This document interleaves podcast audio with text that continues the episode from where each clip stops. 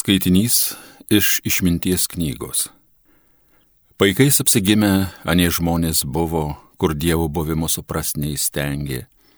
Jie matė tikslingai sukurtą pasaulį, o to, kurs iš tikro yra, nesuvokė. Regėdami darbus, nematė dirbėjo. Tai ugnį, tai vėją, tai judantį orą, žvaigždėtą įskliautą patvinusią jūrą, dangaus žibintus, jie vis laikė dievaičiais. Tad jei sužavėti jų grožio pasaulio dievais juos palaikė, tai būtų galėję taipogi suvokti, jog daug žavingesnis yra jų valdovas, nes grožio leidėjas yra juos sukūręs. Jei stebina juos jų jėga ir galybė, tai būtų galėję taipogi suvokti, kiek daug galingesnis yra jų kūrėjas. Juk iš kūrinių didingumo ir grožio įmanoma spręsti apie jų kūrėją. Bet jiems nereikėtų perdėm priekaištauti. Gal ieško jie Dievo ir nori surasti, bet vis pasiklysta. Jie tyria jo darbus, sustoja prie išorės jų apgaulingos, nes tai, ką jie mato, gražu iš tikrųjų. Taipogi negalima jų ir išteisinti. Jei savo protų jie ištyrė pasaulį, kodėl jo valdovo pirmą nesurado. Tai Dievo žodis.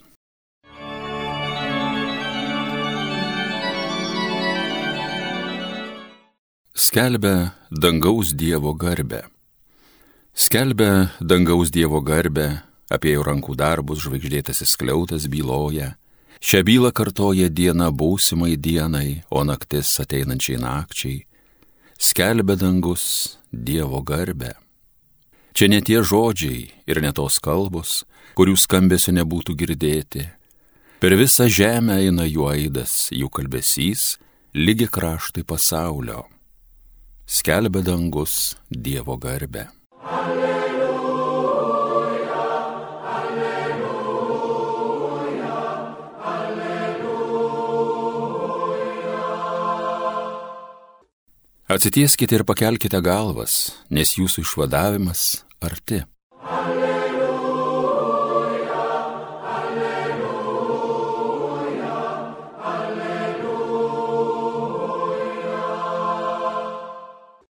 Iš Evangelijos pagal Luką.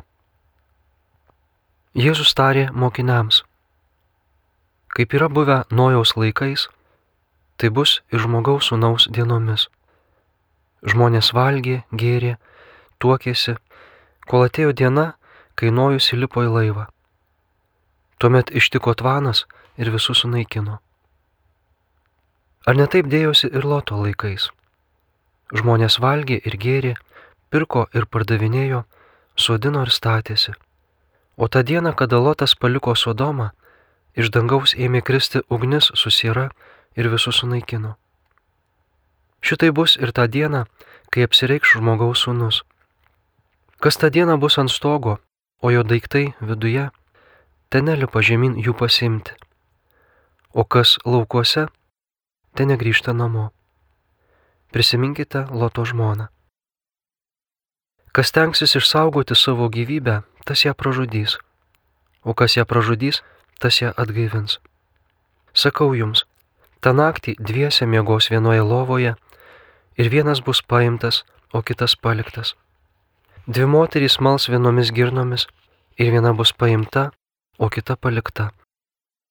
Tada jie atsiliepė, o kurgi viešpatė? Jis atsakė, kur bus lavonų, ten sulėks ir maitvanagiai. Tai viešpaties žodis.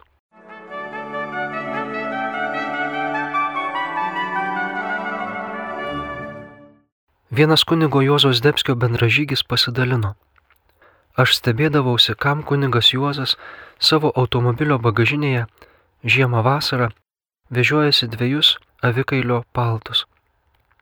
Vėliau supratau, kad tai yra jo pasiruošimas bet kada būti suimtam ir įmestam į kalėjimą, kai negalės nieko pasimti, tik tai, ką turi. O avikailio paltas šaltam kalėjime labai praverčia. Ir kuningas Juozas pagalvojęs ne tik apie save, bet ir apie savo bendrą žygį. Baigiantis liturginiams metams ir liturginiai skaitiniai kalba apie pabaigą ir pasiruošimą jai. Išminties knyga moko, kad tikroji išmintis labiausiai apsireiškia pabaigos akivaizdoje. Kiek vertas mūsų gyvenimas pasveria mirtis. Ar esu jai pasiruošęs? Jėzaus pavyzdžiai iš Senojo testamento primena, kaip netikėtai, lyg nelaikų nutrūkęs filmas, gali pasibaigti mūsų gyvenimas. Nojaus ir Loto istorijos pasakoja, kaip ir į mūsų gyvenimą, be perspėjimų, gali įžengti mirtis. Nors perspėjimas būna. Bažnyčia nepavarksta pranašiškai kalbėti apie tai. Ir Nojaus bei Loto atveju perspėjimas buvo. Bet kasdieniai dalykai mūsų gyvenime turi daugiau jėgos. Ką valgysim, ką gersim, kuo vilkėsim, mūsų domina daug labiau nei Dievo žodis ir amžinybė. Jamam išpardavimas su 50 procentų nuolaida visoms prekiams mūsų mintis ir planus pasiglemžia daug labiau negu mirtis, kuri pasiūlys 100 procentų, bet tik ne nuolaidą, o atėmimą. Nieko naujo pasaulyje Ir prieš tūkstančius metų žmonės taip pat gyveno, taip pat rūpinosi šio pasaulio reikalais, taip pat mažai galvojo apie mirtį ir pomirtinį gyvenimą. Kaip pasiruošti mirčiai? Tai ne tas pats, kaip pasiruošti laidotuvėms. Parašyti testamentą, apsitarti su artimaisiais dėl šermenų, giesmininkų, šarvonės, kapo ir įkapių.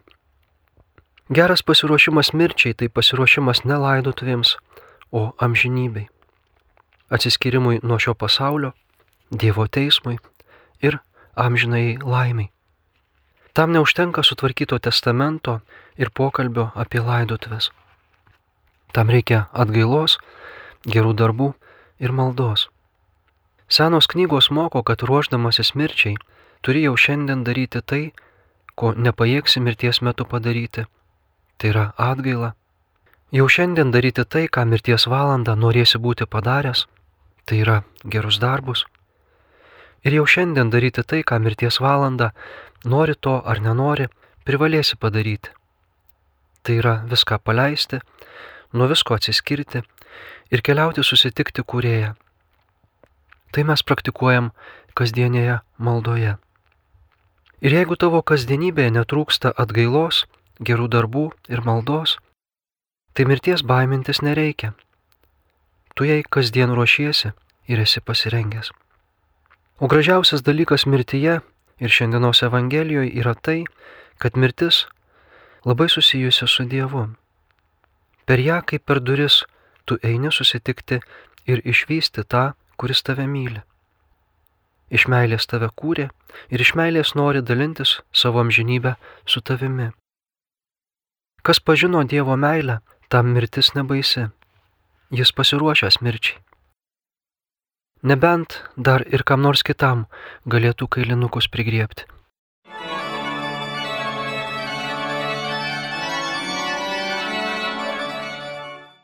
Homilija sakė kunigas Mindaugas Martinaitis.